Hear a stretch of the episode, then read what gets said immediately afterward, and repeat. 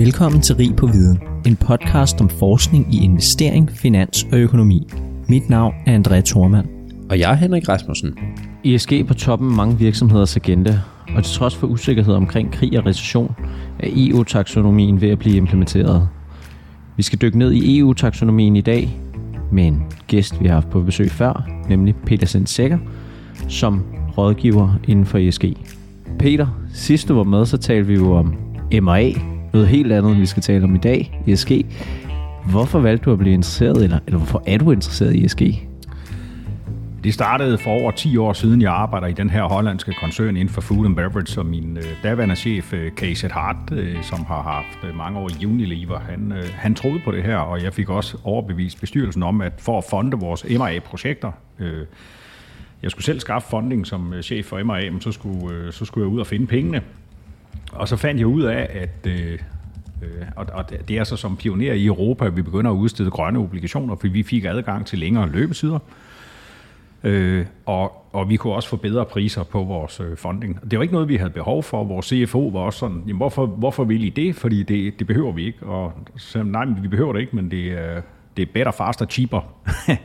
fordi øh, grøn finansiering også dengang, øh, altså det, det er bedre, fordi der var også, der er også mindre eksekveringsrisiko. Øh, der, altså de her, de blev meget overtegnet, de her udstedelser. Stadigvæk er der, er der behov for det. Så det startede vel lidt som, øh, at... Øh, at jeg, jeg så på det som øh, kapitalist, men, men jeg, fik, øh, jeg, jeg, jeg fik virkelig hurtigt hjertet med, fordi da jeg begynder at finde de her projekter, som vi skal fonde grønt, så er det noget med, at vores øh, lastbiler de har fået nye øh, sådan nogle e-tron-bremser, som øh, opfanger kinetisk energi. Mange af vores drying stations, altså på, øh, når du eksporterer mælk øh, til øh, for eksempel Southeast Asia, så er det tørmælk, det bruger du enormt meget energi på. Så så jeg sådan nogle anlæg, vi kunne ved at reinvestere, øh, spare 20-30% energi, og det, det må jeg sige, det, det, var, øh, det, det var en fed øh, fornemmelse af at sidde som finansmand og så være med til at øh, nedbringe CO2 og energi, og øh, der, derfor har jeg, har jeg stadigvæk et kæmpe hjerte for det her. Ja, nu arbejder du med det øh, i dag, mens du vel før arbejdede mere med kan man sige, MRA. Ja, det er rigtigt. På, ja. på, øh, på rådgivning med ESG. Ja. Jamen altså, øh, det, øh, det, det er nok også takket være nykredit. Jeg synes, at øh, det har været, jeg har desværre været nødt til at sige op i nykredit. Det var ikke, fordi jeg ville forlade nykredit, men det, jeg sagde op her for nogle måneder siden, øh, fordi jeg har fået et nyt job.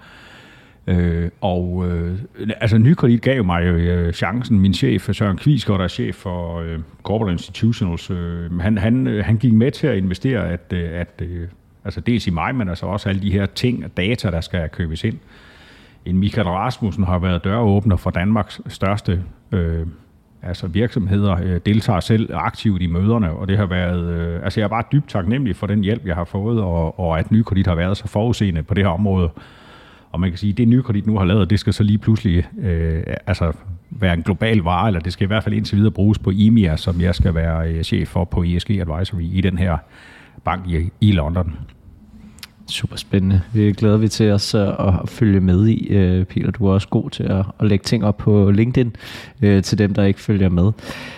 Det vi skal tale om, det er jo, du har skrevet det egentlig et stykke tid siden, du har skrevet den her artikel sammen med Søren Larsen omkring øh, EU-taksonomien. Øh, og det er jo et, et super, hvad kan man sige, aktuelt emne. Så, øh, og den er udgivet i, i Finansinvest. Kan du ikke starte med lidt at fortælle om, hvorfor valgte I at skrive den her artikel? Fordi det er en game changer. EU-taksonomien er en game changer. Det er en ordbog i ESG, øh, eller en, øh, altså en, en måde at, at se på, om du er bæredygtig eller ej. Øh, man siger, EU-taksonomien øh, er startet med øh, CO2, altså hvor meget udleder du, hvor meget energi bruger du. Øh, der kommer andre aspekter med, social dimensions, men den starter med det her øh, at slå fast, for eksempel, at hvis du vil lave øh, cement, og det skal være øh, grøn cement, altså i den forstand, at det ikke er sort eller grøn økonomi, så øh, på det her tidspunkt, vi, start, vi, vi skriver artiklen, der, der må du udlede 530 kilo CO2 per ton cement. Øh, I færdiggørelsen af artiklen, der kommer den her threshold, som det hedder i EU-taksonomien, altså ned på 498 kilo CO2, og det er den her Technical Expert Group, altså det hedder TEG, thresholds for EU-taksonomien. Øh, og, og i dag ligger den faktisk på 475 øh, kilo, så hvis du laver cement i dag, og du vil sælge det som, øh, som grøn cement, øh, og, og tro mig, altså en europæisk øh, regering, der i dag vil lave for eksempel Road Relief Project eller noget i en lufthavn, der køber cement, de køber grøn cement. Det er hele tankegangen i det. Så du har altså lige pludselig en ordbog, hvor du kan slå alle industrikoder op i, øh, og det er så et fransk klassificeringssystem, der hedder NACE Codes, ligesom GIGS, som du bruger som aktieanalytiker, altså Global, hvad, hvad står det for? Global Industrification Classification Code. Ja eller klassificeringen, øh, så, så kan du bare slå op, men hvis jeg producerer cement, eller hvis jeg kører tog, eller en, øh, hvis jeg kører en personbil, hvor meget må jeg så udlede, og hvornår den sort eller grøn. Og der er ikke noget imellem. Det er sort eller grøn. og det er jo fuldstændig fantastisk, fordi øh, for dem, der er grønne, de, øh, de overlever de virksomheder. For dem, der er sort, dem tror jeg ikke, de overlever. Ja, så i gamle dage, i gamle dage sad vi sort-hvid, ikke? Øh, og ja. nu er det sort-grøn. så det er meget binært på den måde. ja. Hvad hedder det? Men, men så det, det er en ordbog. Men hvad, hvad, hvad sker der, hvis... Altså, hvad sker der, hvis man ikke overholder det? Eller, altså, det er jo ikke sådan en lovgivning på den måde. Det er, det er vel blød lov og klassificering, eller er det forkert forstået? Nej, det, øh, det, det du har fat i der, det er helt centralt, og det er, det er, det er super godt, du sætter fingeren på det. Øh, der er tale om en EU-forordning, og de juraprofessorer, som jeg har arbejdet med øh, på det her område i, i Danmark i, i 4-5 år, vi er meget, meget langt frem på området. Og jeg kan ikke huske, hvad Jesper, øh, Jesper fra CBS øh, blandt andet, øh, fanden hedder han? Det kommer jeg til. Jeg, jeg, jeg, jeg linker ham ind. Øh, og det betyder, at det er lovgivning. Men det der er lovgivning, det er, at investorer må ikke præsentere et grønt investeringsprodukt for øh, deres kunder, medmindre det overholder EU-taksonomien. Så det skal altså være EU GBS, altså Green Bond, øh, altså øh, certificeret altså på, på EU. Øh, Derimod må man gerne lave sortiment. Du må gerne forurene. Det er ikke ulovligt. Der er ikke, der er ikke lovgivning om, at øh, en virksomhed ikke må drifte noget, som udleder sindssygt meget CO2. Du må fyre kul af alt muligt. Men den forventning, vi har med The EU Green Deal, som er de her minus 55 procent, der skal reducere CO2 fra 1990 base til 2030, den går ud på, at pengene, alle de pengestrømme, vi har i Europa, og nu har øh, Japan også ratificeret Joe Biden, da han kom til, så kom USA også med på øh, EU-taksonomien. Så det ser ud som om, at hele verden går den her vej. Der handler det altså om, at øh, de penge, som mom and pop eller ACP eller store professionelle investorer, de investerer, de går imod de grønne, bæredygtige øh, selskaber, og det gælder også øh, banker, når de låner penge ud. Altså, der er jo ikke nogen banker i dag, der ikke kigger på øh, ESG-ratings, når de låner penge ud. Og, og det, der er interessant, det er, at banker er faktisk meget mere tilbøjelige til at inkludere eksterne ESG-ratings, for eksempel fra MSCI eller Sustainalytics, end de vil inkludere øh, credit ratings øh, fra for eksempel S&P og, og Moody's, fordi her mener man selv, man har en, øh, en meget høj viden, men, men man erkender, i mange banker, at man, man skiller lige til de her eksterne ESG-ratings, når man låner penge ud. Så helt øh, summa summarum, det er en EU-forordning, det er lovgivning. Du må ikke øh, sælge grønne investeringer, uden at de er funderet i EU-taksonomien, Green Bond Standard, og øh, det er her, du får effekten. Og det vil sige, øh, altså min forventning, øh, det er, at de selskaber, som er sorte, øh, de vil få svære ved at låne penge. Tag tobak.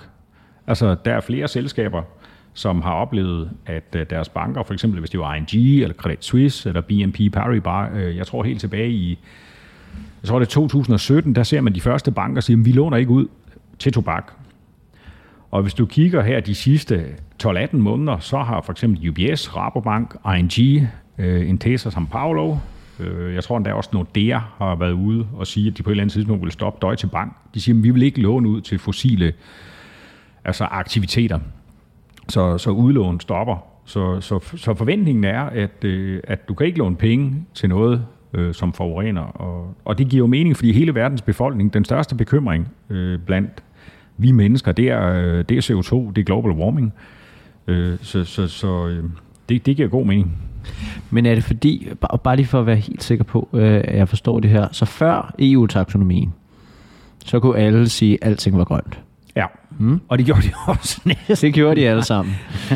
Efter EU-taksonomien, så kommer nogle klare retningslinjer for, hvornår noget er grønt, og hvornår noget ikke nødvendigvis er sort, men ikke er grønt i hvert fald. Ja. Og øh, det skal man ligesom opfylde. Ja. Øh, og hvis man ikke opfylder det her, så øh, bliver man sanktioneret, eller hvad ved jeg, så får man ikke lov til at label det som grønt under øh, den her EU-forordning. Ja. Okay. Øh, det giver mening. Og jeg skal også lige have styr på timeline her. Altså, hvor, hvor er vi henne? Hvornår kom de første tiltag, og hvor langt er vi med implementeringen af det her? Fordi I nævner også noget i artiklen om, der kommer de her sociale tiltag og andre tiltag. Ja. Det har været meget fokus på miljømæssigt indtil videre, men ESG er jo tre ord, ikke? Ja. Øhm, så, så kan du ikke også lige give lidt, lidt ord på det? In this very fiscal year, altså fiskal over 2022, i år skal virksomheder øh, dele deres omsætning i grønne og sorte aktiviteter. De skal også dele deres CAPEX og OPEX i grønne og sorte aktiviteter. Så hvis du tager et uh, selskab som DSB, altså togdrift, ikke DSV, men DSB, ja. som, og, og DSB er jo et uh, selskab, der er medlem af Dansk Industri, så den, den kan få adgang til statskaution, hvis den vil. Det kan den købe i Nationalbanken, men det er, det er en virksomhed, der drifter togdrift. De ligger i dag på en øh, grøn andel på, øh, jeg tror det er 46-48 procent af deres øh, omsætning. Det vil sige, de tog, der driftes i dag i Danmark, det kan vi være meget stolte af, de ligger under 6-7 gram CO2 per kørt person passagerkilometer, og det er så beregnet på en load capacity på 26 procent, altså togene er, er gennemsnitligt fyldt øh, med den procentsats. Men, men det, der er interessant, det er, at, øh, at øh, altså CAPEX i DSB Øh, de nye tog, vi kører i, i Danmark, som er 0% udledning, fordi det er elektriske tog, øh, det, det øger andelen op til 98 procent inden 2030, og det vil sige, at DSB øh, er, er nok det togselskab, tror jeg, i verden, der kommer at være mest øh, grøn, og, og kan, kan hver eneste år sætte flueben ved, at deres øh, grønne omsætning, den stiger. Og det er det, et game her, du har med øh, selskaber. Øh, et andet selskab, som ligger meget, meget højt på grøn andel, det er for eksempel Novozymes. Så du vil se i år, øh, altså de regnskaber, som du skal også sidde og kigge på næste år, du sidder og dækker øh, Carlsberg for eksempel, eller Royal Unibrew, men der, der vil du se de her selskaber begynde at, at indberette, hvor stor en del af vores omsætning øh, er grøn efter EU-taksonomien. Øh, Så jeg kan godt forstå de spørgsmål, for det er først nu, det sker, øh, og det er også Øh, derfor jeg synes, at det er sindssygt interessant, fordi øh, det er jo først, når der sker, at det begynder at gå op for almen øvrigheden. Øh, ellers så har det været mest snak. Og, og med det, du siger med, at mange har kaldt noget grønt, det er jo i virkeligheden en reminiscens af, at Verdensbanken i 2008 sammen med SB går ud og laver den her EU Green Bond. Øh, og, og jeg hylder virkelig det øh, øh initiativ. Det er fantastisk. Du har også øh, LMA, altså Loan... Øh, øh, Market Association øh, i øh, London, altså med, med grønne lån. Øh, Øh, det, der bare er, er problemet med de her, øh, det er voluntary guidelines. Og voluntary, øh, altså det er frivilligt, og guidelines er sådan, du kunne måske gøre sådan her. Og det, det er jo sådan, jeg synes, vi skal indrette vores skattesystem. Så kunne jeg, så, så kunne jeg fortælle, at jeg har cirka tjent så meget, og øh, jeg skal ikke betale så meget i skat, som skattevæsenet synes. Men, men, øh, men, men generelt har vi jo i, øh, i mange, mange år haft... Øh, synes jeg, nogle lidt for slappe udmeldinger omkring, hvad der er bæredygtigt, hvad der er grønt. Og det er her, hvor EU-taksonomien den kommer ind og skiller bukkene fra forne. Øh, og det er, som du sagde, det er binomialt. Der er ikke noget imellem. Det er sort eller grønt. Og det er jo fantastisk, at vi har den her ordbog, vi kan slå op i med NACE Codes. Hvor meget må du udlede med den her øh, virksomhedsaktivitet? Øh, er du over eller under? Okay, og hvad så, fordi det er jo så bæredygtighedselement, altså hvor ja. meget omsætning er, er, er grønt, ikke grønt, og, og I, I nævner også noget med nogle af de her sociale tiltag ved governance-tiltag er der vel allerede, øh, jeg ved ikke, jeg går ud fra det nogle andre øh, forordninger, som dikterer, hvordan governance øh, skal struktureres, og ikke nødvendigvis EU-taksonomien. Ja, præcis. Altså, det er jo øh, ikke et eksplicit emne, hvorimod social dimensions social er. er lige præcis. Øh, øh, social er. Øh, Så hvornår, hvornår kommer det her social ind, og hvad indebærer det? Massa Social, det kommer ind øh, nu her, at vi er ved at, øh, at, at bygge det ind. Øh, og sammen med Social, så tror jeg også, man skal nævne øh, øh, super godt, men også lidt overraskende, at biodiversitet kommer også meget øh, ind nu, fordi det hænger sammen med altså udledning og energiforbrug. Øh, så vi sidder her i, øh, i de her år og, og venter på, hvad kommer der ind øh, på social. Men det kan være for eksempel sådan noget, som vi i Danmark øh, kan bryste os meget. af. Altså, vi har jo det her ord, der hedder ombudsman, altså, altså trepartsforhandling. Hvordan foregår lønforhandlingerne? Øh, hvordan øh, behandler du øh, altså, øh, kvinder og mænd under barsel? Øh, der, er, der er flere virksomheder, det er jeg også selv stolt af, at vi i Nykredit har, har givet nu øh, officielt altså mænd øh, samme barselsmuligheder øh, men du giver folk løn under barsel. Hvad er, hvad er overenskomstreglerne? Øh, øh Må folk være medlem af en fagforening? Øh, og det, mange af de virksomheder, jeg har rådgivet i Danmark, de sidder og siger til mig, Peter, det, det ved du sgu da godt, hvorfor spørger du om det? Men det er jo ikke det er jo ikke det, det handler om. Altså, hvis du sidder med en i Toronto for Sustainalytics, så for det første så er de svært ved at pege, hvor Danmark ligger henne. De ved ikke helt, er det et land, eller hvordan.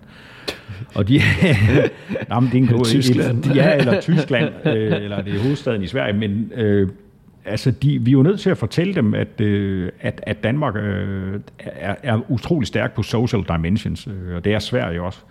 Og generelt, så, så de virksomheder, som, som går øh, ind og for eksempel hyrer sådan en som mig til at være ESG Ratings Advisor, de får nogle kanon gode score, fordi det overrasker meget, hvor dygtige vi er på området. Men det er man jo ikke øh, i alle lande. Øh, øh, tag Tesla, som øh, Elon Musk, der, der suger over, jeg tror han ude, ud, røg ud et S&P-indeks, og igen, nu kan jeg ikke huske efternavnet på Erik, som er, er, er chef for ansvarlige øh, bæredygtige investeringer i Nordea Asset men det Erik, han var, øh, her var i børsen, tror jeg, sidste uge, så det er fordi, de behandler deres medarbejdere dårligt. Og det kan jeg jo se i en ESG-rating, at det gør de. Øh, øh, så, så, så sådan en virksomhed som Tesla vil ikke komme godt ud i en EU-taksonomi-sammenhæng, fordi Altså, de laver et produkt, som enabler andre til at, at køre og ikke at bruge øh, CO2, men, men øh, de, de behandler deres øh, medarbejdere helt ekstremt dårligt. Øh, og, og så har de desværre nogle tragiske dødsulykker. Øh, det, det ved jeg også, det har man i almindelige biler, men, men det er ny teknologi, blev rullet ud, så fatality rate, altså det at, øh, at have en tragisk eller flere tragiske dødsulykker, det, det er meget, meget dårligt for din øh, ESG-rating. Og det, det er jo nogle af de sociale øh, dimensions, inklusiv at få kvinder ind i arbejdsmarkedet, øh, Altså, jeg, jeg har arbejdet meget med NNIT. Øh, for anden gang i år har vi øh, øh, i samarbejde fået, øh, altså NNIT har fået en, øh, en øh, ESG-rating, som er, er styrket. Og, og jeg beundrer den virksomhed, fordi for mange år siden, jeg tror 7-8 år siden, så siger NNIT, jamen, hvordan får vi, får vi flere øh, ind og arbejde med IT? Og så er der der er selvfølgelig nogle dygtige mennesker, der siger, at vi har ikke så mange kvinder. Altså, der var nærmest ingen kvinder. Og så, så begynder man at indrullere kvinder i IT-branchen og siger, at hvis du gider at tage en IT-uddannelse, så, så garanterer vi dig arbejde. Og det må så sige, det er jo så ikke noget, man gjorde til mændene, men det var for at få kvinder ind. Og det er jo også en social dimension. Og øh, i dag, en IT, som jeg husker det, det er stadigvæk den IT-virksomhed, jeg har set, der har den højeste medarbejdertilfredshed. De har den højeste fastholdelse, altså attrition rate. Altså, de har ikke mange, der forlader selskabet. Øh, og de har jo formået at, at, at fordoble deres talentpool. Øh, kvinder er fuldstændig lige så dygtige til IT som mænd, men der har ikke været traditionen for det, og den, det er en tradition, der også kan skabes med en øh, social dimension i EU-taksonomien, eller som du ser det eksempel, øh, NNIT har simpelthen bare gjort det mange år før det blev cool. Men nu, men, men det, er jo, det er jo lidt interessant. Øh, jeg har virkelig mange spørgsmål, så det er, fordi det, det er virkelig spændende, og det kommer til at betyde meget. Altså, fordi det falder lidt ind i det her med, hvad nu hvis man ikke er grøn? Altså, NNIT, man kan slå op på aktiekursen. NNIT, det har været relativt hårdt at være investor i det selskab. Ja, det er rigtigt. Det, ikke? Ja. Øh, til trods for øh, de øh, gode, øh, bæredygtige ting. Øh, altså, hvad er konsekvensen for hvad ville konsekvensen være for NNIT, hvis de havde en dårlig ESG-rating? Altså, jeg vil helst ikke øh, være specifik omkring selskaber, fordi jeg, øh, jeg er... Eller stadig, andre selskaber, ja, for den sags skyld. Så, så, og andre selskaber. Så jeg vil hellere være generelt, fordi jeg er stadigvæk på lønningslisten i Nykredit. Så jeg vil ikke sidde og, og, og drøfte enkeltsager. Men, men, men jeg kan sige, altså for eksempel KZ Hart fra Carlsberg, som... Øh, som var, hjalp mig for øh, tre år siden, da jeg startede Nykredit. Vi havde sådan en uh, sustainable dag, og så, så siger casen her, at du skal være sustainable, før du er grøn eller bæredygtig. Og, og i virkeligheden vil jeg starte med at sige det, at det nytter ikke noget, at du kommer ud øh, og, og, og så se, se mig, jeg er grøn. Og så kommer øh, pengene fra aktionærerne, og så kan du låne alle de penge, du, du vil i banken. Du er nødt til at have en øh, fornuftig, altså, øh, altså basis business model, der genererer indtjening, Øh, og, og, og derefter skal du så vise, at du er grøn og bæredygtig, altså du gør de rigtige ting. For eksempel som, øh, hvis du tager Royal Unibrew. Jeg tror, Royal Unibrew er jo et, øh, et eksempel på en virksomhed, som har øh, øh, den højeste øh, total return analysis, altså TRA, øh, hvis du regner ud på en Bloomberg, altså hvor meget har aktionærerne fået, dels i dente og kursstigninger, så har Royal Unibrew de sidste 10 år slået både Carlsberg, Heineken, øh, Ab InBev, altså som den global brewer. Øh, øh, altså Carlsberg og Heineken er, altså, øh, øh Royal Unibrew er mere regionalt, men de, de har jo givet kanon godt afkast. Samtidig med har Royal Unibrew fået verdens øh, bedste, stærkeste ESG-rating for verdens største ESG-rating agency, altså Sustainalytics. Og dermed for eksempel BlackRock, jeg tror, de har 12,7 procent eller sådan noget i Royal Unibrew. Øh, du nikker, det er det ikke cirka der omkring, jeg kan ikke huske tallet, men... Øh, øh, de har en, en del mere, jeg ja. kan ikke huske tallet. Øh, så, så, så når det er sådan, du kommer ind og får de her stærke ESG-ratings, så bliver du inkluderet, altså det, der hedder gating. Altså store institutionelle investorer, de kigger på, vil jeg have den her virksomhed? Først så skal den være rentabel. Det næste, det er, har den gode ESG-ratings. Og så er der mange, der har overset, hvor vigtigt det er at komme ind i de her store indeks. Og vi kan starte et helt andet sted. Hvis vi, hvis vi hopper tilbage til den artikel, som Søren og jeg øh, skrev der for to år siden, der skrev vi det her Pew øh, Research Center. De siger altså, verdens befolkning, den største bekymring, det er global warming. Øh, jeg opdaterede mig lige her til morgen på, på den artikel, og, og jeg kan se, at det er stadigvæk øh, det, de skriver. Øh, men det, der er interessant, det er, at siden vi skrev artiklen, der er nu 80% af alle globalt set, øh, du og jeg, altså vi mennesker, vil gerne gøre noget ved det. Så vi siger, nu, nu, er det, nu skal der handling til. Og det er jo igennem valg af investeringer. Altså, vi skal jo også, og nu kommer den igen, EU-forordningen, vi skal jo som udbyder af investeringsprodukter i banker, der skal vi jo spørge øh, vores kunder, vil du have grøn eller sort? Og tro mig, André, det er vanvittigt øh, højt øh, tal i Danmark. Altså, jeg tror op over 90 procent, globalt er det 80 procent, der siger, at jeg vil kun have grønne aktier. Og du kan se BlackRock, for eksempel den vækst, de har haft i bæredygtig investering, men også Goldman Sachs, altså management, har jo spurgt, øh, altså også danske kunder, så, så tager de fat i bestyrelsesformanden eller CEO'en og siger, hvordan ligger det lige med din ESG-rating? Det er fordi, det er det, investorerne vil have, fordi det er stable, predictable cash flows. Når du har en stærk ESG-rating, så er du igennem den her første gating, der hedder inclusion. Vores egne bæredygtige, hvis vi tager øh, vores Øh, nu, når jeg siger vores, første, er vi er stadigvæk ansat i Nykredit. Vi har en, der hedder bæredygtige aktier, som Søren Larsen, han øh, overser sammen med Morten Gregersen, min kollega, der er, der er ansvarlig for den her fond af bæredygtige aktier. Det er cirka 40-70 aktier, altså 40 styk til 70 styk. Øh, der, den første inclusion, vi kigger på, der, det skal, de skal gerne have en stærk ESG-rating. Det er for eksempel single A ved øh, MSCI. Det kan være low risk ved Sustainalytics, men vi bruger meget i inclusion, den her øh, faktor. Men en exclusion, og nu siger jeg exclusion faktor, det er, at vi siger, hvis øh, 5% eller mere af omsætningen, den er inden for øh, problematiske industrier, så vil vi slet ikke have dem. Og det er for eksempel, øh, altså på dansk skriver vi faktisk i pornografi, øh, det hedder adult entertainment, det, det er sådan et begreb, som øh, man, man ikke vil investere i. Det kan være øh, våben, våben øh, oplagt, øh, hvis jeg lige skal ud, det skal løbe igennem tobak, Øh, Øh, øh, fossile brændstoffer. Nogen har kun arktiske øh, fossile brændstoffer, men, men øh, vi har valgt altså problematiske, øh, også gaming, gambling, altså sådan noget spil, halløj, øh, vil vi heller ikke have med i den her øh, fond. Så det er en ren øh, fond, og det, det er det, investorerne gerne vil have.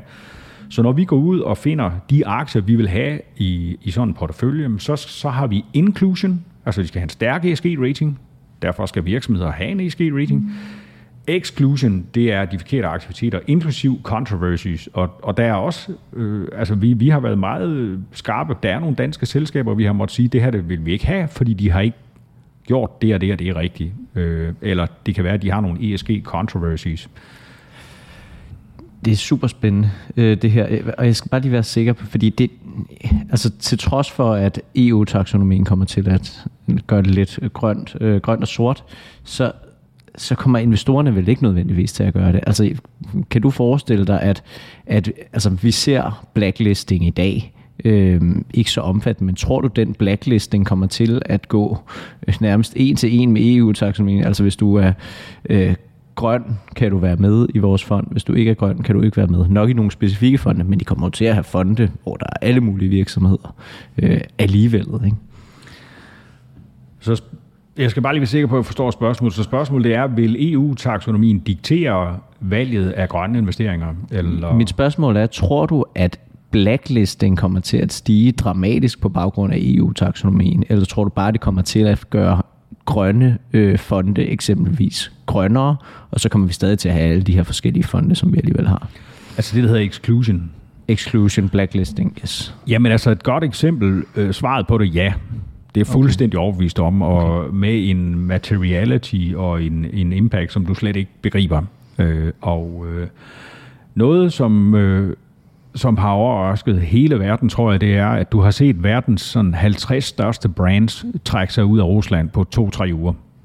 det er aldrig nogensinde sket i verdenshistorien, at øh, man oplever, at ens consumers, og jeg tror, en af de selskaber, som øh, var allermest i, i for eksempel den danske presse med Carlsberg, det er det her, øh, at, at man forventer, at de bare trækker sig ud nærmest overnight. Altså Carlsberg er jo kæmpe store i Rusland. Øh, jeg tror, de har, jamen jeg kan ikke huske, nærmest næsten 1000 medarbejdere øh, derovre øh, kæmpe, kæmpe, kæmpe aktiviteter, men, men det er jo ikke kun, det kan også være Lind Chokolade eller Heineken, øh, altså, altså de 50 største brands i hele verden melder på to-tre uger ud, at vi vil ikke Rusland, og så sige, hvad har det med sagen at gøre? Men det har, det har det med sagen at gøre, at hvis du kører en fond, som er aktiv i Rusland, så vil kunderne trække deres penge ud, eller det vil sige, de her aktier vil de ikke have. Så i dag ser du, og det er også derfor, EU-taksonomien er bygget op på den måde, øh, følg pengene eller follow the money, Øh, de grønne penge, øh, som jeg sagde, den her øh, Pew, altså øh, Research Center, 80% ønsker med deres penge eller deres gørn og laden, de køber elbil, de vil have øh, varme øh, anlæg i stedet for oliefyr. Øh, altså, vi mennesker ønsker at gøre en forskel, og derfor vil du se exclusion øh, øh, ramme mega hårdt ind. Og som jeg også sagde med cement, altså du kan ikke sælge cement i fremtiden, hvis det er sådan, at du øh, forurener for meget, eller du har for meget CO2 fordi det er et grønt alternativ. Det, der er interessant, det er, hvordan bruger vi vores for eksempel emission trading schemes, altså ETS og det europæiske, altså CO2, øh, CO2-skatter, CO2-afgifter. Det har vi ikke set øh, slå ind i nu. Men du vil se en ekskludering, som vi slet ikke begriber i dag, som du har set med tobak. Øh, eller hvis du tager for eksempel burhøns eller buræg. Altså det, det er lige pludselig en industri, øh, som, som rammer kraftigt igennem. Altså, jeg, har jo været, jeg har været heldig at arbejde i food and beverage, og, og, og også meget med packaging, altså for det her selskab i, i Holland, hvor, hvor vi så det jo allerede for 10 år siden, men, men det kommer til alle industrier. Men det er lidt interessant, fordi vi har jo netop set eksklusion af rigtig mange sektorer, som du selv øh, nævner, før EU-taksonomien overhovedet ja. er, er kommet ind. Så hvad er det for nogle sektorer, som mangler? Eller altså, hvad, hvor er det, vi ikke er gode nok øh, i dag allerede? Fordi tobak, altså vi kender alle sammen de her sektorer, hvor der kan være et eller andet et, en etisk diskussion om, hvorvidt det er noget, man skal tjene penge på eller ej. Jamen altså, de, de sektorer, som, øh, altså fra et ESG Ratings perspektiv, som øh, har de største udfordringer i relation til exclusion, altså det vil sige, at de kan ikke oplå øh, lån fra banker i fremtiden, eller at, at man vil ikke købe øh, deres aktier. Og det er selvfølgelig øh, fossile brændstoffer, altså især kul, men olie og gas, Øh, men er de, er de ikke ude i dag? Altså, det er, jo, det er altså, vel ikke men, noget øh, nyt. Altså, nu står vi så og mangler olie, ikke? Altså, øh, så, så er det ikke... Øh, der er en masse os, for og imod her, ikke? Altså. Lad os holde de lange briller på inden, for jeg ved godt, det der er sket i øjeblikket, det er faktisk, øh, og det, det mener, det er en kæmpe buying opportunity på bæredygtige aktier, så det kommer lige tilbage til, men hvis, hvis, hvis det lange briller er på, øh, så er øh, altså olie og gas, øh, så noget som cement for eksempel også øh, er, er, øh, er udskilt i dag som øh, et, et produkt, kan vi ikke gøre det bedre, det udleder. Altså hvis cement det var et land, så var det verdens tredje største land af CO2-udledning. Det er Kina og ja, nej, Kina og Indien er de største øh, CO2-udledere som lande, men cement som land kunne, kunne så tage en plads som nummer tre. Det er landbruget, det er øh, ikke, ikke fødevare, men altså alt, hvad der hedder agriculture, øh, udleder meget. Øh, og det er det, der har severe risk i øh, uh, ESG ratings. Altså det er nogle øh, sektorer, som man kigger på, der, der, der er nødt til at, at, at, at omstille sig, jeg tror vi, i et eller andet øh, omfang. Men det er klart, hvis ikke der opstår nogle alternativer, vi skal stadigvæk bruge landbruget, vi skal stadigvæk have deres varer.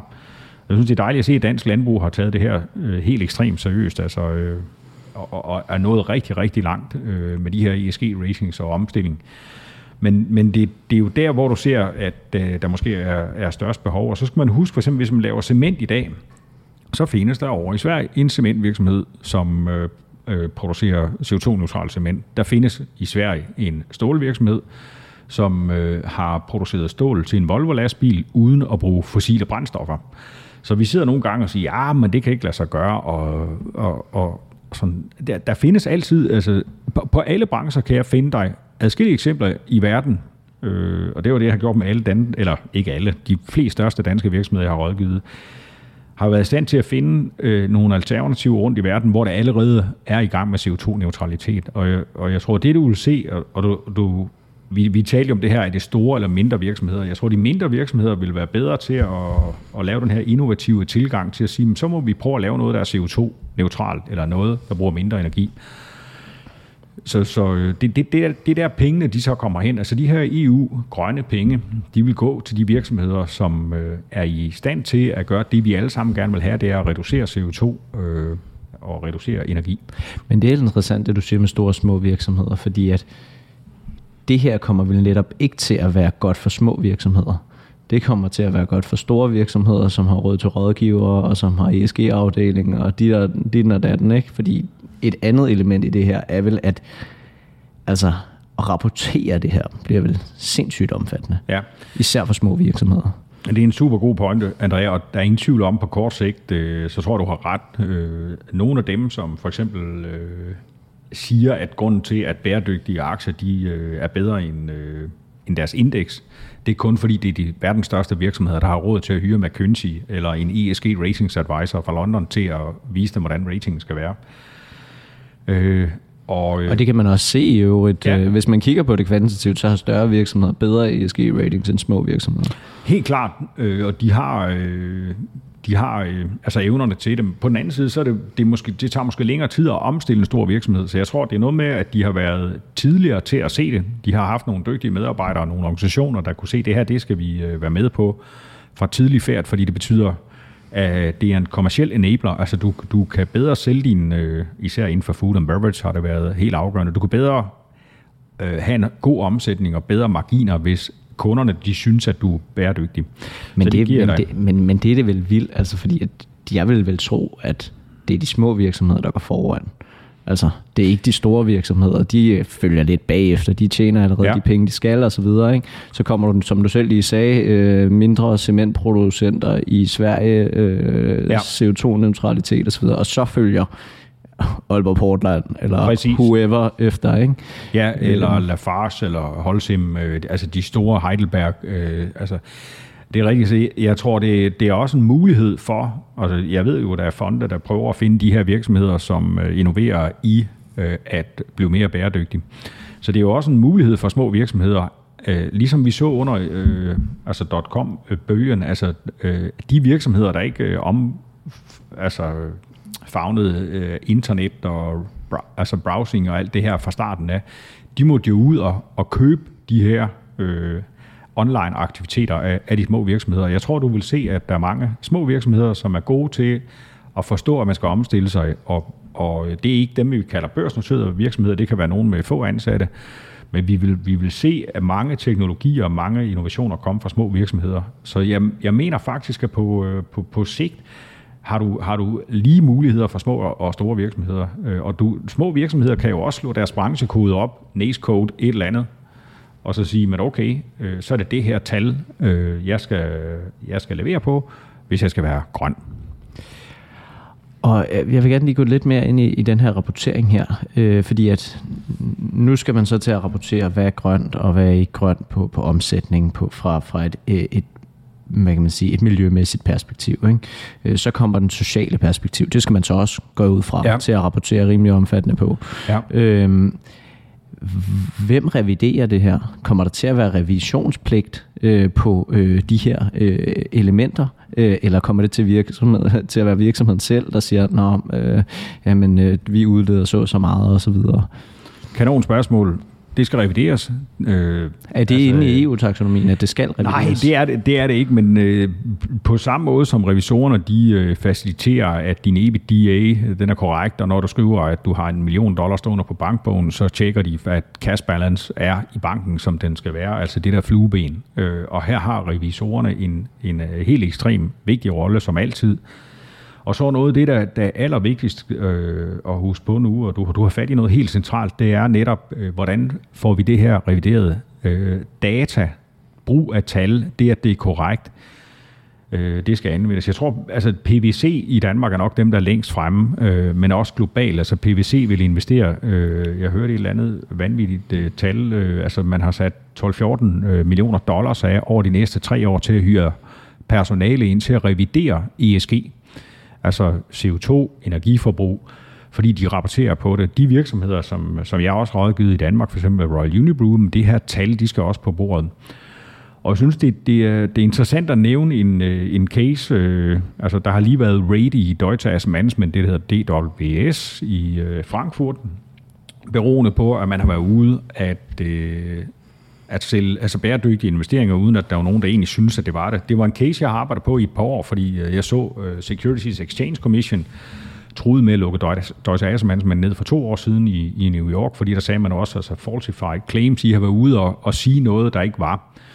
Det jeg vil prøve at illustrere med det, øh, som er det, du har rigtig fat i, det er, at en, en CEO eller en CFO vil aldrig nogensinde gå ud og lave fraud på EBITDA, eller sige, at vi har tjent så meget, eller vores cash balance, eller det gør man bare ikke. Det er også meget lettere at revidere. Ja, og netop, det er netop, netop lettere at revidere. Hvorimod, øh, altså, det har været sådan lidt med det der grønne og det der bæredygtige og sådan noget. Det er sådan noget PowerPoint ved siden af den rigtige EBITDA-rapportering, og jeg synes, det er fuldstændig forkert.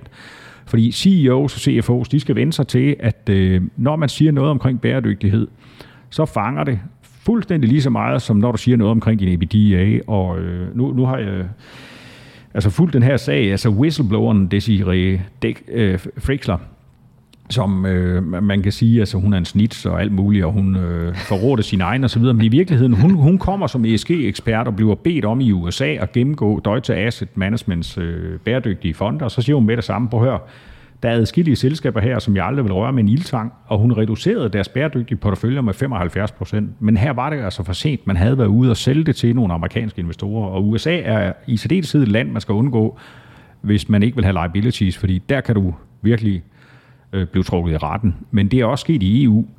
Og tro mig nede i øh, Aarhusgade i det danske finanstilsyn, der har man også fundet ud af, at det er nemmere at være foran, end at være bagud. Fordi først så havde vi dividendevask så havde vi hvidvask, og det næste, det er grønvask. Og øh, som jeg har forstået, så er der, og jeg tror, der er ansat 30 medarbejdere nu i det danske finanssyn øh, til at, at overse det her. Så det, lad være med at, at bare tro, at det her det ikke bliver revideret. Lad være med at sige noget omkring din bæredygtighed, som ikke er sand.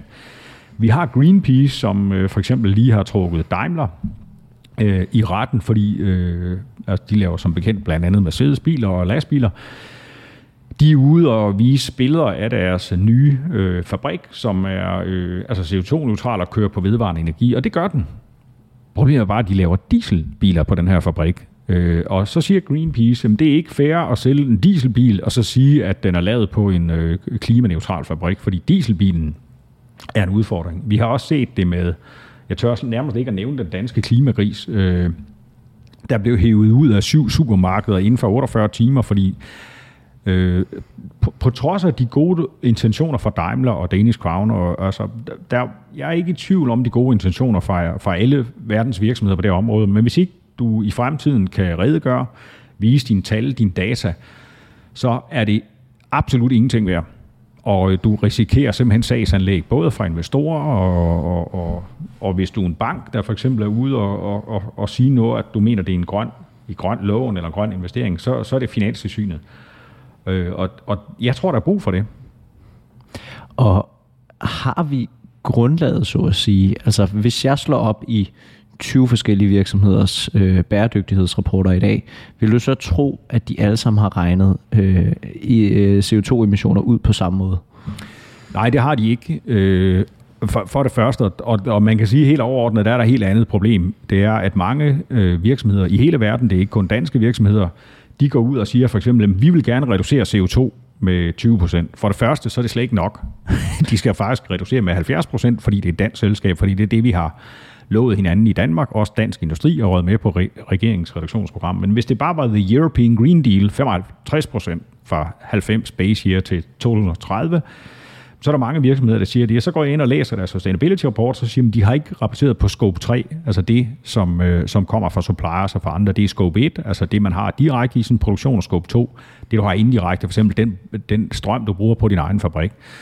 Og så kan man, øh, så kan man bare sige, at de fleste virksomheder har faktisk øh, deres scope 3, det er jo langt, langt større end scope 1 og 2 til sammen. Så nytter det jo ikke noget, at du kommer med et, øh, et fint statement på, om vi skal reducere. Så før du overhovedet kigger på nøjagtigheden i tallene, så har du en, en, en kæmpe ufuldstændighed, der kun øh, fokuserer på 20-30% af din samlede udledning. Det er klart, hvis du er utility-selskab, så er din scope 1 80-90% af hele din udledning, fordi du laver energi.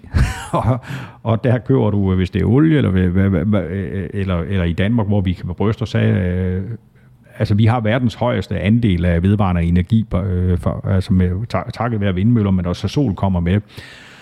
Men, men der er din, øh, altså utility-selskab, der laver, laver energi, jamen altså det, der, der giver det mening måske at, at sige bare et overordnet mål. Men de fleste virksomheder har noget skub 3, de slet ikke er inde og kigge på. Og så, så, øh, så kan det godt irritere sådan nogen som mig, der nørder, øh, og sidder og hører på, at en virksomhed vil reducere, og så sige det, men kun på det, vi selv har indflydelse på, fordi øh, det får du ikke point for, hvis du laver en ESG-rating. Altså, tag DSV for eksempel har jo øh, rapporteret, for eksempel, de, de ejer ikke selv lastbilerne, men de rapporterer jo på Scope 3, og de har signet SBTI, altså Science Based Target Information. Så de store virksomheder ved jo godt, at der skal Scope 3 på bordet, ellers giver det ikke mening. Øh, og der er for mange, der, der hopper over, hvor, hvor gader det er lavest, og, og der er det negativt forstået, fordi så, så ignorerer man scope 3. Men tror du selv, hvis vi, hvis vi bare holder os til scope 1 for eksempel, tror du så, de alle sammen regner det på samme måde? Nej. Altså, nej, heller ikke, vel? Altså, og det er, det er vel også det, der er, er Jamen, det er en god pointe, og du har fuldstændig ret, men, men der, der er endda endnu øh, større problemer, og det er jo, det, det er jo derfor, vi har, vi har jo brug for at prøve at, at lave en rangordning øh, omkring alt, hvad det hedder bæredygtighed. Jeg plejer at sige, øh, også til de virksomheder, jeg har rådgivet, at den, den højeste faktor, det er en ESG-rating, fordi den har for eksempel, øh, og, og jeg, jeg håber, at vi kan referere til den her Royal Unibrew-video med Lars Jensens, øh, altså CEO i Royal Unibrew, hvor han gennemgår, hvad har vi lavet for at få den her ESG-rating. Altså her er det en uvildig øh, ekstern øh, agency, som går ind og laver den her ESG-rating beroende på næsten 300 faktorer og her kan du ikke snyde på vægtskålen. Øh, det næste, det er måske, at du øh, går ind og, og, og bruger din øh, øh, altså domestikke target, altså for eksempel minus 70% CO2, eller du bruger direkte EU-taksonomien. Du kan også bruge øh, altså science-based, øh, øh, altså, altså mere anerkendt, f.eks. Øh, transition Pathway, eller science-based øh, SBTI, Science-Based Target Information, Altså hvor du bruger nogle øh, eksterne, der, der i det mindste verificerer dit energi- og CO2-forbrug.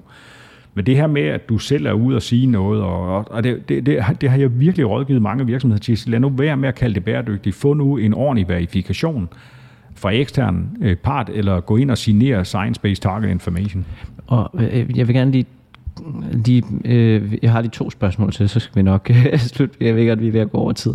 Øh, de her ESG-ratings, altså der er jo faktisk blevet lavet en del forskning på, øh, at der findes en række forskellige bureauer. Øh, de kigger jo på historiske tal, øh, og de kommer med meget forskellige konklusioner. Ja. Altså, øh, hvordan ser du det? Og vi kan jo ikke stå i en situation, hvor vi kun har én. Det er jo private øh, udbydere det her, yes. ikke? Øh, og, og der er mange meninger og holdninger i det. Ja. Øh, hvordan ser du den her problematik med, at der kan være så stor forskel på, hvordan øh, et analysebureau ser på en virksomhed, og et andet analysebureau ser på en virksomhed? Men så for, for det første, så tror jeg, at vi har et sprogligt problem, og det beror på det, der hedder et homonym, altså homonyms. Altså et ord, øh, der øh, siges eller staves på samme måde, men har forskellig mening. Øh, så for eksempel ESG-rating, det er ikke det samme som en credit rating. Så i starten, hvor vi begynder at bruge, og jeg selv, altså for over 10 år siden, kigger på ESG-ratings, der hører jeg mange investorer sige, at de har ikke den samme korrelation som credit ratings. Altså for her bevares, det er jo to vidt forskellige ting. Det svarer jo til, at man så siger, jamen øh, min aktie beta, den har ikke samme forudsigelseskraft som Macaulay-varighed øh, eller duration på min øh, fixed income bonds, øh, fordi øh, der er en stærkere korrelation mellem renten og kursen på en øh, øh, obligation. yes, I know.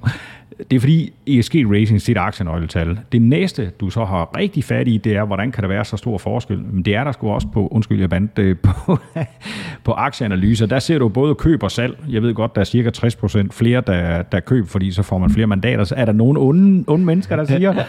Men, øh, men, nu kan du ikke sige for meget ondt om aktieanalyser nej, her. Nej, uh, Ikke undskyld. i det her hus. Ej, jeg, jeg, jeg har stor respekt for aktieanalytikere, men jeg ser dog en større variation øh, Øh, i aktieanalyser med køb og sælg og hold, end at de gør på for eksempel Fitch og øh, Moody's og S&P, der øh, i højere grad kan blive enige om kreditkvaliteten på en virksomhed, som er, er nok nemmere. Altså hvis du har 2,5 EBITDA, net debt EBITDA, 5 interest cover og, og måske 10 i EBITDA margin, så, øh, så hvis du har den rigtige størrelse, så, så kan du være heldig at få en triple B, og det er sådan, jeg kalder det 2,5, 5, 10. Øh, og jeg har selv arbejdet med Credit Rating øh, øh, Advisory i, i mange år. Jeg var faktisk en af dem, der startede det på det her tidspunkt, hvor Novo ikke havde den, AP Møller havde den ikke, Carlsberg havde den ikke, Credit Ratings. Øh, og det, det, det ligger mange år tilbage, så jeg har også arbejdet med, med det område, men jeg ser, at det er to forskellige ting, og jeg, jeg synes ikke, at øh, det ikke giver mening, fordi at øh, der er nogen, der, der kan være uenige. Fordi det er du også i aktieanalyser. Man kan jo godt være uenig om, om det er et problem, for eksempel for dansk landbrug, øh, altså, og det er der virkelig nogen, der er uenige om, eller, eller cement. Altså, øh, så så det, det er en svær øh, øvelse end at lave en credit rating. Men, men hvis vi sammenligner det med aktieanalyser, så grunden til, aktieanalytikere, nu taler jeg vores eget mm. forsvar, kan være uenige, det er jo fordi, vi forecaster, ikke? vi budgeterer. Ja. To aktieanalytikere vil højst sandsynligt ikke være uenige om fortiden. Altså, var, nej. var Carlsberg god til at tjene penge sidste år? Ja. Ja eller nej? Der, der er nok ikke så stor forskel på, hvad vi siger. Ja. Kommer de til at være det om 10 år? Der kan være rimelig stor forskel. Ja. Credit ratings, så vidt jeg ved, ja. i langt højere grad historik Ja, gab. baseret. Gab. Præcis, ikke? Der og kigger det man på ESG allerede... ratings ikke, fordi vi kigger på future det er, cashflow. Ja, de kigger jo, ikke så meget på cashflow. De jo, kigger på, øh, på, det... på historisk øh, rapporteret øh, emissioner kigger... og så videre, ikke? Ja, det gør vi blandt andet, men vi, øh, når vi laver en ESG rating, så kigger vi kun fremad. Det giver ikke mening at kigge tilbage. Så jeg kalder det ESG budgeting. Så noget af det, som har overrasket øh, mange af de selskaber, jeg har rådgivet, det er det første, jeg spørger om, det er, what business model are you in? Altså, hvad, hvad, hvad er din businessmodel, for eksempel? Så NNIT, øh, de, de, de kom jo fra at øh, have en omsætning fra, fra Novo Nordisk på 55 procent, og nu tror jeg, den er helt nede på 25 eller 20 procent. Så i dag er de IT-software-selskab. Så den der industry reclassification, det har foretaget rigtig mange gange. Med Royal Unibrew så vi også, at de fik en stærkere øh, rating, fordi de fik forklaret, at det hedder no and low, altså no øh, sugar og low alcohol, ligger på 50% af deres omsætning, hvor verdens største bryggerier kæmper for at komme op på 10%, så har du lige pludselig en stjerne, der hedder Royal Unibrew, som har en anden business model. Det andet, du kigger på, det er financial strength, og så må man sige, hvad er det med en ESG-rating at gøre? Men vi laver jo fuldstændig de samme aktieanalyser, som du laver i en aktieanalyse i en ESG-rating, og det går ud på future cash flow. Så når et selskab for eksempel har øh, altså en stærk indtjeningsevne, så har vi 30 beta-koefficienter i en ESG-rating-model, som består af 300 øh, øh, line items, altså hvor, hvor vi, øh, altså jeg har bygget den her model, som øh, som går ind og øh, altså, øh, kan, kan replikere de, de ratings, du har fra, fra de store rating agencies. Og der, der kigger vi på finansiel styrke. Altså har de givet et godt afkast til aktionærerne? Hvad er deres uh, gearing? Men det er historik, ikke? Nej, altså, det, det, nej, det er kun fremad se. Men, men, så, så nej, det er ikke historik. Det, men jeg skal, men jeg skal bare lige være sikker på, så et ESG-ratinghus går ind og forecaster, hvad skal cashflowet være om 30 år for den her virksomhed? Det gør de. Altså Morningstar er dem, der laver altså, øh, det, der hedder øh, ESG beta-koefficienter til øh, Sustainalytics. Men det er fordi Morningstar har et analysehus for siden af at ejer ja. Sustainalytics. Sustainalytics ja. gør det vel ikke alene? Sustainalytics gør det ikke alene, det er Morningstar, der gør det, men MSCI gør det også. De går så med og siger, at den her branche i de næste 30 år, er det her en branche, som øh, har en høj eller lav beta-koefficient. Øh, og det er noget, som det ændrer markant på dine ESG-ratings. Uh, øh, what business du er inde. Altså, øh, hvilken forretning er du? Hvad er dine finansielle nøgletal? Og hvad tror du om specifikt uh, den her branche? Og de her beta-koefficienter, de kan ændre øh, helt ekstremt meget. Øh, du har for eksempel set, øh, og det, jeg, jeg, jeg er overbevist om, at Carlsberg er mega træt af det, men de har haft en øh, case øh, i øh, Indien, omkring potentiel øh, altså price fixing. Øh, og der har de så fået indkasseret en øh, beta-forøgelse på 0,20, altså 0,2, men det er så en forøgelse af deres ESG-risk på 20 procent. Og øh, den, den kan så hænge ved nogle år, medmindre man får det adresseret korrekt. Du kan se andre selskaber, som har transition opportunity, altså at de for eksempel Novo Nordisk de, eller Novo Science har har for eksempel en meget, meget stærk ESG-rating, øh, fordi de har en meget, meget lav ESG-beta, fordi de er, øh, er i stand til at replace fossil fuels. Så det ser Sustainalytics og MSCI som en mulighed i forretningsmodellen. Og det er future cash flows. Det er ikke som credit ratings. Det er altså future cash flows, vi kigger på. Fuldstændig som en aktieanalyse. Altså faktisk så er en ESG-rating en aktieanalyse sammenholdt med alt det, du ved omkring bæredygtighed. Ja, ja altså jeg, jeg, jeg, vil, jeg vil gerne se nogle af deres budgetter, Du fordi bare. at, når jeg kigger på de der ESG-rapporter, så er det meget historisk baseret. Ja. Øh, man prøver at finde ud af, hvor gode de har været før i tiden, og, øh, og i mindre grad øh, forecastet. Men, men det, det er en interessant diskussion. øh, hvad hedder det? Øh, Jeg skal ellers- prøve at lægge noget empiri og noget op. Det, det kan jeg jo gøre, når vi, øh, altså, vi, vi øh, viser podcast her, fordi det, øh, det, er, det er et interessant emne. Det, og det, det, er super, noget, øh, det er super interessant, og jeg tror faktisk ikke, at der er, der er god nok øh, information omkring det. Den aller sidste ting, jeg, jeg bare lige vil, vil berøre her, det er, det er kun i forhold til øh, i dag. Nu er jeg jo aktieanalytiker, ikke? Ja. Øh, når, når investorer kigger på en virksomhed, øh, så vil jeg tro, at, øh, at det, der ligesom afgør, hvorvidt øh, de overhovedet vil kigge på den, det er, om de har nogle gode økonomiske fundamentals. Yes. Øhm, altså, er de gode til at tjene penge? Er de gode Klart. til at vokse? Så videre, så videre. Øh, og måske derefter vil kigge på øh, bæredygtighed og så videre. Helt. Tror du, det kommer til at vende? Nej, Okay. Cool. Altså, Jamen, det, er- øh, du, du er nødt til, igen, den måde, vi laver ESG-rating på, hvis ikke du er stærk finansielt, så kan du ikke få en god ESG-rating, fordi så tror du ikke på, at det er en virksomhed, der tager det seriøst. Fordi så vil de springe over, hvor gader er lavest. Altså, så, så vil de prøve at... Altså, jeg kalder det lidt at slå mønt. Altså, tag, for eksempel sådan nogen som Beyond Meat, der blev børsnoteret. Altså, de har lavet noget øh, ud af bønder og ærter, som øh, kopierer kød, og, og man har jo kæmpe store hjerte for det, men de redegør for eksempel ikke for deres vandudslip, og man ved, at det kommer suppliers, det kommer fra nogle øh, lande, som... Øh, altså, jeg ved ikke, om der er børnearbejde, det har jeg ikke øh, undersøgt, men altså, de, de har bare den helt ekstremt grotesk dårlige ESG-rating, for der er ikke nogen, der tror på, de tjener ikke penge, og de kan ikke redegøre for, øh, hvad vandforbruget er, for eksempel i de her plantearter, de bruger til at... Øh, i stedet for kød. Så du kan ikke snyde på vægtskålen. Øh. Altså jeg vil sige, noget af det, jeg lige vil vende tilbage til, nu taler vi om bæredygtige aktier. Altså i, jeg, jeg var inde og kigge en af de øh, fonde, som, som vi, vi, altså nu siger vi har i Nykredit, jeg vil stadigvæk gerne sige Nykredit, men det er den her øh, Nykredit bæredygtige aktier. Øh, og den, den har over de sidste, sådan de fem år, jeg har fulgt den, givet et mere afkast på cirka 30 procent, altså så cirka 5 procent mere om året. Så hvis man kigger på, er der god værdi i ESG, så har det i hvert fald været sådan de sidste fem år, at bæredygtige fonde har øh, over hele verden slået øh, traditionelle indeksfonde, men der er også nogle problematikker i det. Øh, for eksempel, øh, så har du altså øh, teoretisk set øh, i hvert fald større tracking error, altså du, øh, du har større volatilitet, fordi der er færre aktier med, og de aktier, du tager ud, som måske ikke er i din inclusion, eller som falder for din exclusion, for eksempel at det kan være våben eller et eller andet, de kollerer jo stadigvæk, øh, så, så du, de, du mister nogle gange nogle diversifikationsgevinster, men, i, men i dag kan vi se, at de bæredygtige fonde, de, øh, de klarer sig bedre øh, end øh, traditionelle aktier, hvor du, og, og det, det kan vi køre helt ned øh, eksakt på ESG-ratings. Så selskaber med stærke ESG-ratings, de har bedre afkaster. Men det er så også din pointe. Det kan også være, at det er bare fordi, det er store selskaber.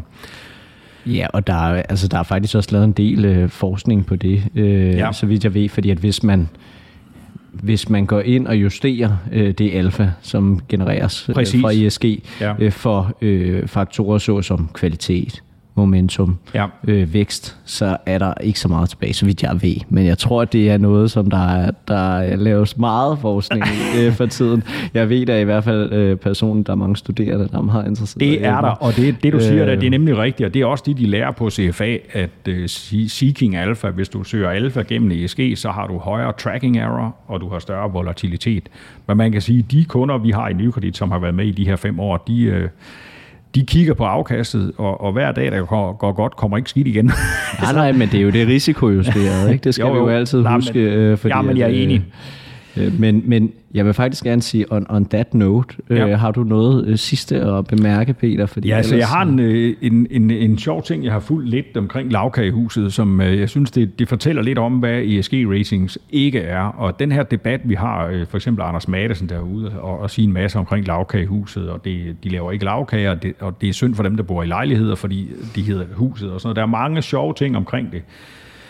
Øh, men men det, det fylder absolut ingenting i en SG-racing. Øh, eller for eksempel det her kære folkemøde, vi har haft på Bornholm i sidste uge, hvor man kan nærmest ikke åbne LinkedIn, uden at der var selfies fra et, uh, telt, hvor, hvor man får nogle fadøl og så videre. Og jeg har øh, kæmpe hjerte, for jeg synes, det er rart, at uh, vi snakker om de her ting. Eller den, den dækning, der er i pressen, at nu er der en af vores danske selskaber, som vil reducere CO2 og energi. Det er øh, alt sammen øh, noget, der der overhovedet ikke fylder noget i en ESG-rating. Du vil få absolut zero point for at sige, nu kalder vi det en K-person, eller at den der Eskimo-is, jeg tror det var sidste år.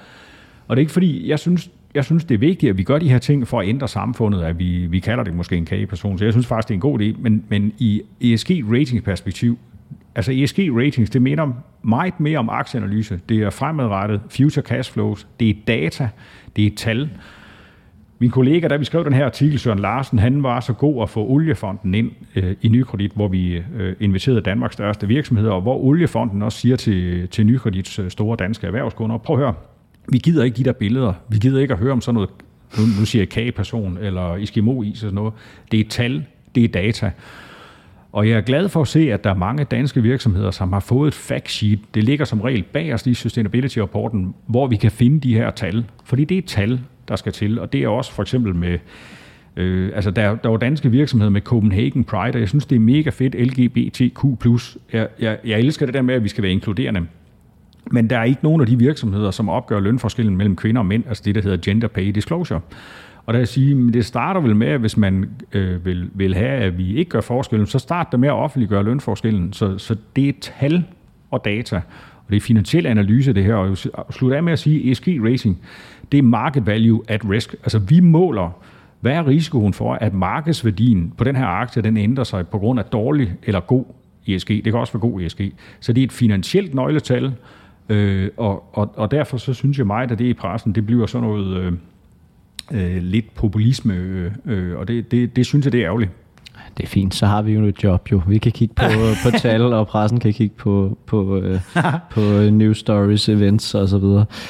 Tusind tak, fordi du vil komme og fortælle om det her, Peter. Det var virkelig øh, spændende. Tak, det var en fornøjelse. Tak for, at du lyttede med til Rig på Viden. Jeg håber, at du lærte noget, og hvis du nu synes godt af vores podcast, så kan du støtte os ved at følge den på Spotify eller skrive en anbefaling på iTunes. Inden på LinkedIn, der kan du følge André Thormand, Benjamin Somofen eller Henrik Fode Rasmussen. På genhør.